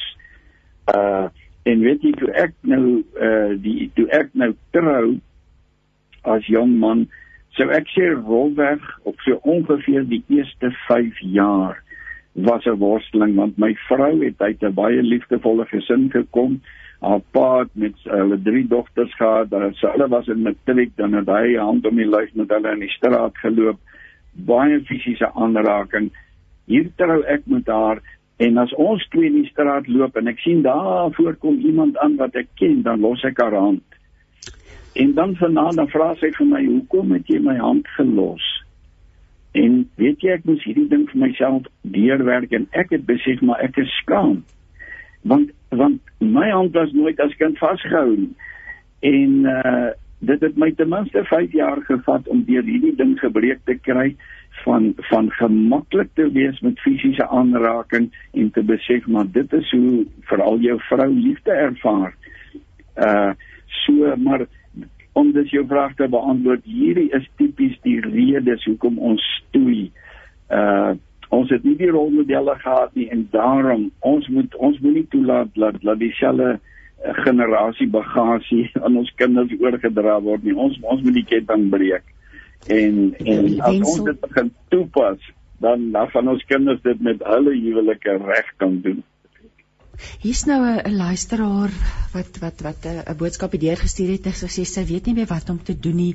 Haar man hy comes out he swears he is abusive everyday swearing when he comes from work. Jo, dit hou so verband met wat ons nou oor praat, nê. Nou is dit die teenoorgestelde van woorde van seën. Ja. Nou. Ja. Weet jy, dis dis absoluut waar. Ons noem dit in die boekie ook uh baie kinders kan ons sê het eintlik met 'n vloek groot geword want want 'n vloek is die teenoorgestelde van 'n seën. En en dit is dalk of kom ons sê so as ek nou sommer moet raai uh uh dit kan wees dat daardie man se pa en sy ma dalk baie spiekende mense was soos baie van ons ouers. Uh daar's geen volmaakte familie nie uh baie ouers het met pyn die lewe ingegaan omdat hulle ouers stikkend en vol pyn was. So daardie pa onder wie hy groot geword het, was dalk self stikkend. Daar was nie rolmodelle nie. Dalk het hy nou 'n baie moeilike werk, werksomstandighede, moeilike baas by die werk en dit alles word snellertjies, snellertjies en dan teen die einde van die dag is alles te veel dit dit sê maar net daar is heel waarskynlik baie pyn. Daardie is eintlik noodkrete. Uh dis noodkrete om te sê ek weet nie wat om met my emosies te maak nie. Ek het eintlik hulp nodig. Maar nou weet ons om 'n man in berading te kry is nie altyd so maklik nie. So dis net gebed wat dalk sy hart gaan verander. Ja. Jy sê dis my baie interessant daar's 'n gedeelte hoofstuk wat gaan oor wat, wat gebeur wanneer ons hierdie woorde van seën terughou en dan verwys na werkolisme en onttrekking. Jo, dit ja. vertel vir ons meer hieroor. Dis my baie interessant. Ja, weet jy, ons kan sê dis dis veral een van hierdie twee uiterstes. Die die ma wat sê vir die seun man, uh, jy kan nie wiskunde doen nie. Jy's dom en jy gaan nêrens in die lewe kom nie. En dan gooi hy sy pen elke keer neer en hy's moedeloos en sy doen dit met al haar kinders. Sy dink sy sal hulle motiveer, so 'n bietjie skokterapie. Maar dit het die teenoorgestelde uitwerking en dan begin hierdie seun soos hy groter word word hy uiteindelik 'n werkolis want hy probeer ten alle koste vir sy ma bewys dat sy verkeerd was. Nou is sy ma al in die graf en en hy hardloop net vinniger en vinniger uiteindelik brand hy hom uit met 'n klomp emosionele gevolge. Daai daai is 'n tipiese patroon van iemand wat baie verwerping beleef het en wat nie hulle seën ontvang het nie en wat negatiewe woorde, ons kan sê byna vloeke wat wat uitgespreek is. En dan die ander een is onttrekking. Die een wat wat so seer gekry het dat uh hy en sy besluit uh ek blok alle emosies, ek ek blokkeer verhoudings, ek onttrek my want dis al waar ek veilig voel. En ons weet dis ook 'n pad van seer en pyn want want ons het mekaar nodig, ons het ander mense rondom ons nodig. En en dan weer eens hierdie persone beide hierdie kategorieë raak mettertyd al meer kwesbaar vir verslawings. Dit kan drankmisbruik wees of uh seksuele uitreageer gedrag as dit jonger mense is, jy weet, die ding van selfsny, alles hmm. tydelike ontvlugting van pyn wat ek nie meer kan hanteer nie. So weet jy deur ons woorde en die, die die woord leer vir ons die, oor die krag van die tong, wat daar die krag wat daar lê in die tong. So deur ons woorde het ons 'n geweldige invloed op ons kinders se toekoms. Ja, totaal, totaal. Ek ek wil net vir jou vra hoe hoe lyk hoe lyk Hoe lyk dit in 'n gesin waar seën aangegee word? Wat wat gebeur in hierdie gesin?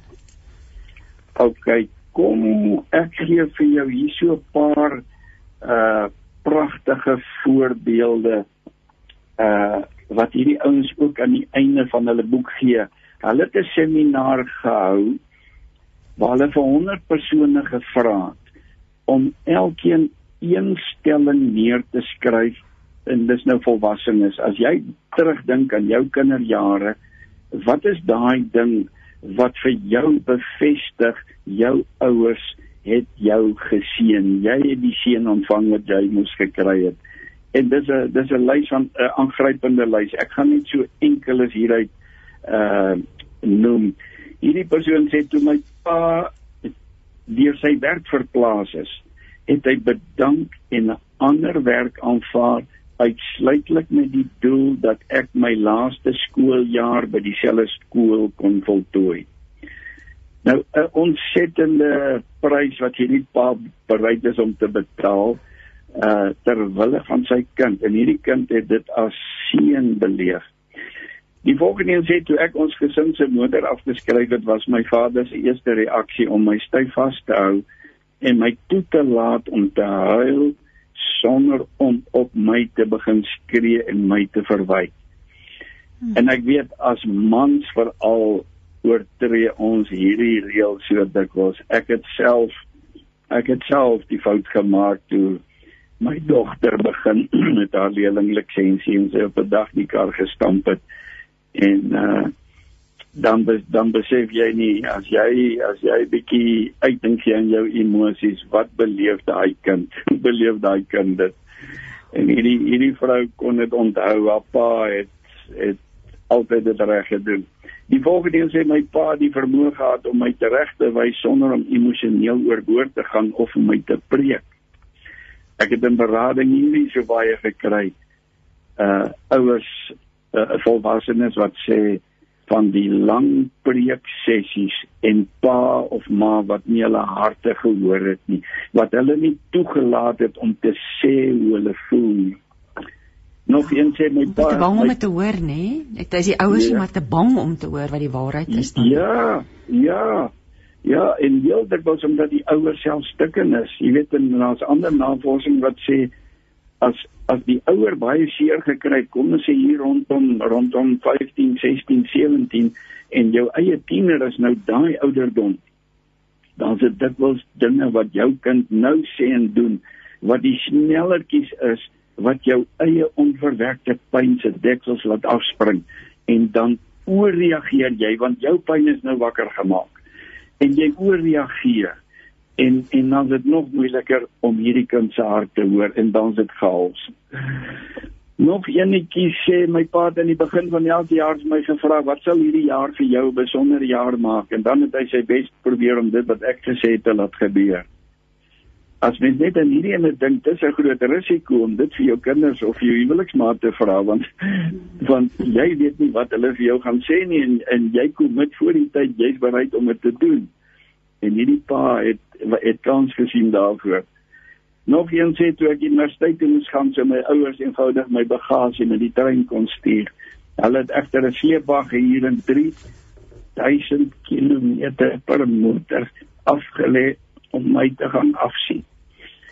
Ek onthou 'n vrou met wie ek berading gedoen het wat my gesê het hulle het in Zambië gebly en toe sy universiteit toe moes kom met hulle daar op die trein gesit. Sy sê 3 dae op die trein en sy het in Pretoria afgeklim. Sy was nog nooit in haar lewe daar nie en op haar eie moes sy van die stasie af tot by die universiteit kom. Sy sê die 3 dae op die trein het sy 3 dae aan mekaar gehuil. En as mens dan hoor wat hierdie ouers bereid was om te doen, dan besef jy dit was 'n ongelooflike seën. Ag laaste eenetjie. Ja, skiet tog.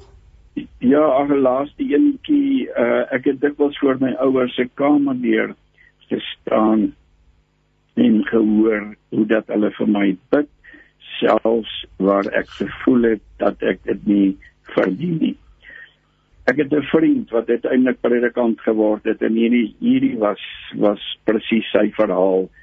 Rowwe lewe hy sê en as hy by sy ouers se kamer deur verby gaan dan hoor hy hulle bid vir hom en die Here het daar die keerpunt gebring.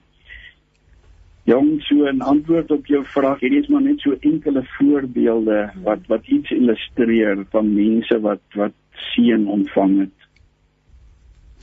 Wensel ek wil nou ag ons kan nog lyk my verskriklik lank maar ons het nog so 'n paar minute om te gesels. 'n Belangrike vraag vir my is en jy behandel dit in jou boek die vyf riglyne om iemand se gees weer oop te sluit. Wat is die ja, riglyne? Ja.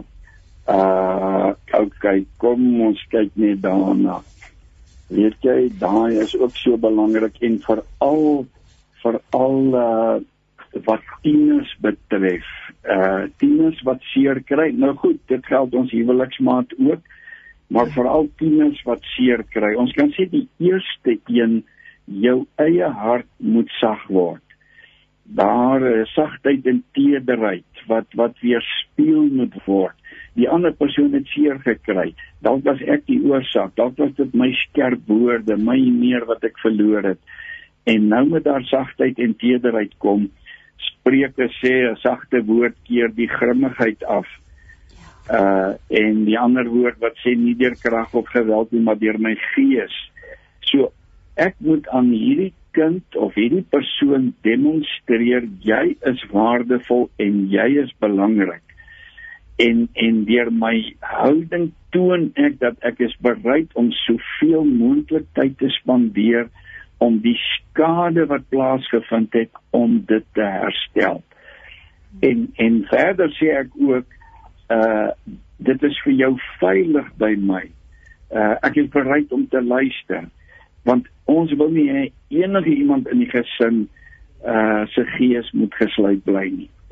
Dis die eerste een, die tweede een toon meer begrip. Toon meer begrip vir daardie persoon se situasies, se emosies uh en veral dan kinders wat besig is om ouer te word. Uh en en baie belangrik vir my lesings en preke.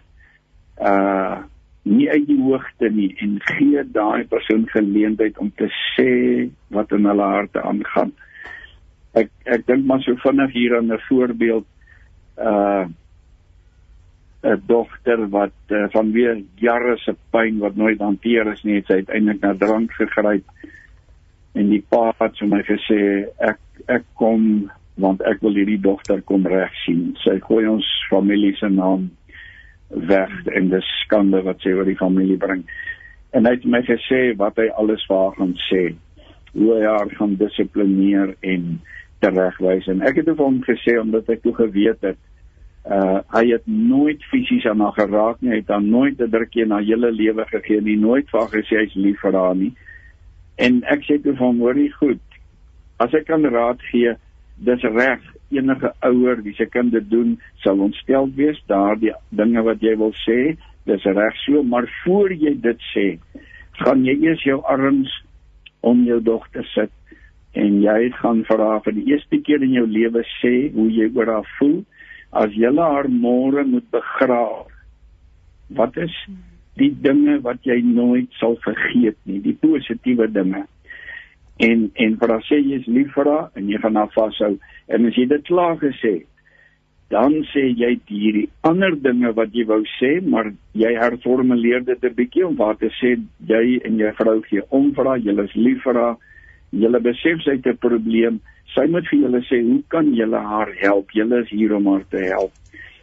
Weet jy en hierdie ou het die raad gevat en daar het versoening gekom. Hy het daarna 'n paar dae later vir my boodskappe gestuur en ek het maar net bewoog geraak vir die vir die Here want ek het besef dis dis God wat 'n pa en 'n kind bymekaar gebring het. Daai profesie in Maleagi 4 wat hy sê sal vaders en kinders met mekaar versoen. Weet jy hierdie hierdie tema van seën wat ons gemis het so dikwels dis dis dis ouers en kinders wat vervreemd geraak het, wat seer gekry het en God wil gesinne versoen. Hoorie, okay, dit was toon meer begrip. Die volgende een erken foute wat gemaak is. En dis daai ding wat ek vroeër gesê het om te kan teruggaan en te sê ek as ouer het 'n fout gemaak uh so belangrik. Daar's iemand wat geskryf het oor uh, uh hy was aan die hoof van 'n jeugkamp organisasie in die VSA. Elke somer duisende jong mense wat daar uh kampe gehou het en toe het hulle 1 jaar 'n vraelysie gestuur aan aan 'n paar duisend jong mense gevra watter enkele ding sou jy wou hê dat jou ouers meer dikwels moet doen? En die antwoord bo aan die lys was nie meer geld of meer tyd of meer liefde nie, maar hierdie hierdie sin ek wens dat my pa en my ma sal erken wanneer hulle verkeerd is. En dus daai ding bring jou nader aan jou kind. Ek dink pa's is dalk baie keer bang hulle autoriteit, hulle gesag in platval as hulle erken hulle het 'n fout gemaak, maar dis jy die teenoorgestelde wat gaan plaasvind. Die volgende enetjie probeer om aan te raak. Wanneer jy dan stadig begin uitreik fisies, probeer jou arm om hierdie kind se wat seer gekry het, sou die kind jou eers nog weer 'n bietjie wegstoot, jou arm dan dan gaan dit die boodskap gee hy en sy is dalk nog nie heeltemal gereed nie en jy moet hulle tyd gee. Maar as hulle jou toelaat, dan gaan jy weet dat die kind se gees het begin oopmaak en en dat meer aandag en meer liefde nodig gaan wees nou verder. En die laaste enetjie streef na vergifnis. Gee die kind kans om te reageer. Byvoorbeeld dink jy dat dit vir jou moontlik sal wees om my te kan vergewe? Uh gee laat die kind toe om daarop te reageer en dit sal jou lei en dit gaan ook vir jou wys jy weet as die kind se gees al oop genoeg en nog moet jy bietjie meer geduld en nog bietjie meer bid. Ja. Dis dis daai paar is die riglyne. So ter afsluiting, ons is ons het nog so 6 minute oor om te gesels en ek wil vir jou vra om vir ons aan die einde asseblief met 'n gebed af te sluit. Maar kom ons praat net vinnig oor hoe raak die seën van Numeri 6 ons vandag. Ja, weet jy, daar waar uh, waar Moses die die uh die leiers uitstuur met daai daai besondere seën uh gaan en en sê hierdie dinge vir die volk. Uh weet jy ek het in die betrokke hoofstuk het ek het ek nou ook heelwat praktiese voorbeelde gebring. Uh ons kan sê kernagtig daar's daar's voorsorg, daar's sorg en daar's nasorg wat ons in daai drie seën uitsprake kry. En en wat daarop neerkom dat dat Hy sê gaan gee vir die mense hoop. Gaan sê vir hulle selfs voordat die krisis hulle tref, sal God reeds voorsorg tref. God sal sorg, hy sal die pad gelyk maak, hy sal die struikelblokke uit die weg ry. Dan die tweede een sorg in die krisissituasie wanneer jy te midde van die krisis is, wanneer die storm rondom jou woed en die golwe hoog is, dan sal God reg daar langs jou wees. En die derde een meer te doen met nasorg. Wanneer wanneer al die stukke op die grond lê en dit voel voel vir jou dis alles 'n mislukking, sal hy weer sy gees kom, hy sal jou help om al daai stukkies weer bymekaar te kry. Hy sal kom herstel en hy sal restoreer.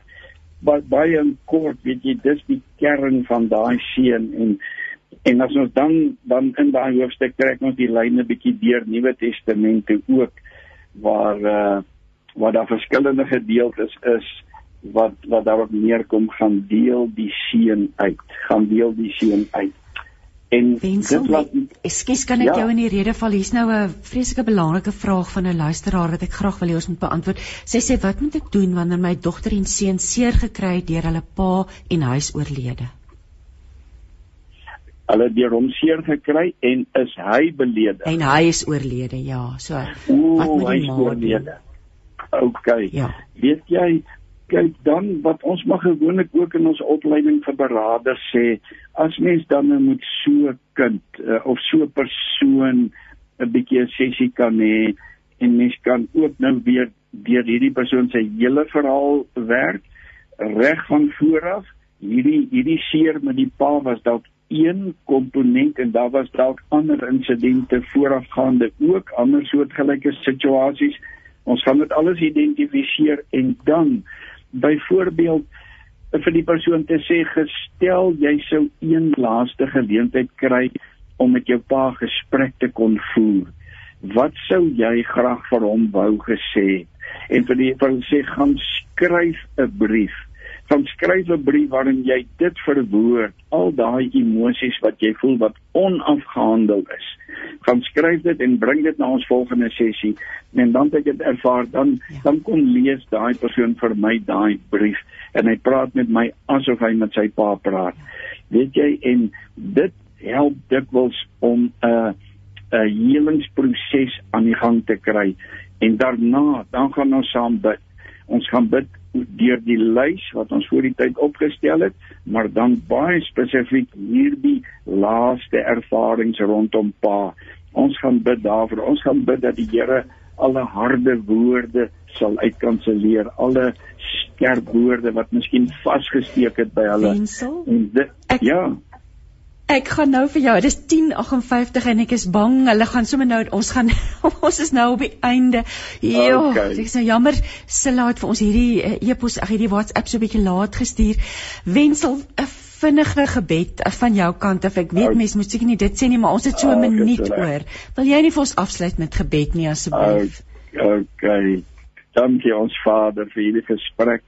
Dankie vir u liefde en u bemoeienis met elkeen van ons. Elkeen wat vanoggend dalk ook stikkend is, wat hartseer is, elkeen wat hulle seën misgeloop het. Ons wil bid dat u sal genees en sal heel en sal vul, sal kompenseer. U sê in Genesis 12 vers 2, ek sal jou seën sodat jy 'n seën kan wees. Here seën ons en maak ons dan 'n seën vir elkeen wat oor ons pad kom en laat u seën deur ons vloei tot verryking van ander in u naam vra ons dit amen Amen. Baie baie dankie Wensel. Wonderlik geweest om met jou te gesels. Ons gesels die 21ste September oor selfvergifnis. Ek sien baie uit daarna. Ek wil dankie sê vir Woesie Leeu vir die tegniese bystand vir oggend en ag liewe luisteraar, as ons aan die einde van die program seën vir jou. Ons seën jou met met die seën van nommer 6 en en tot volgende week dan. Totsiens.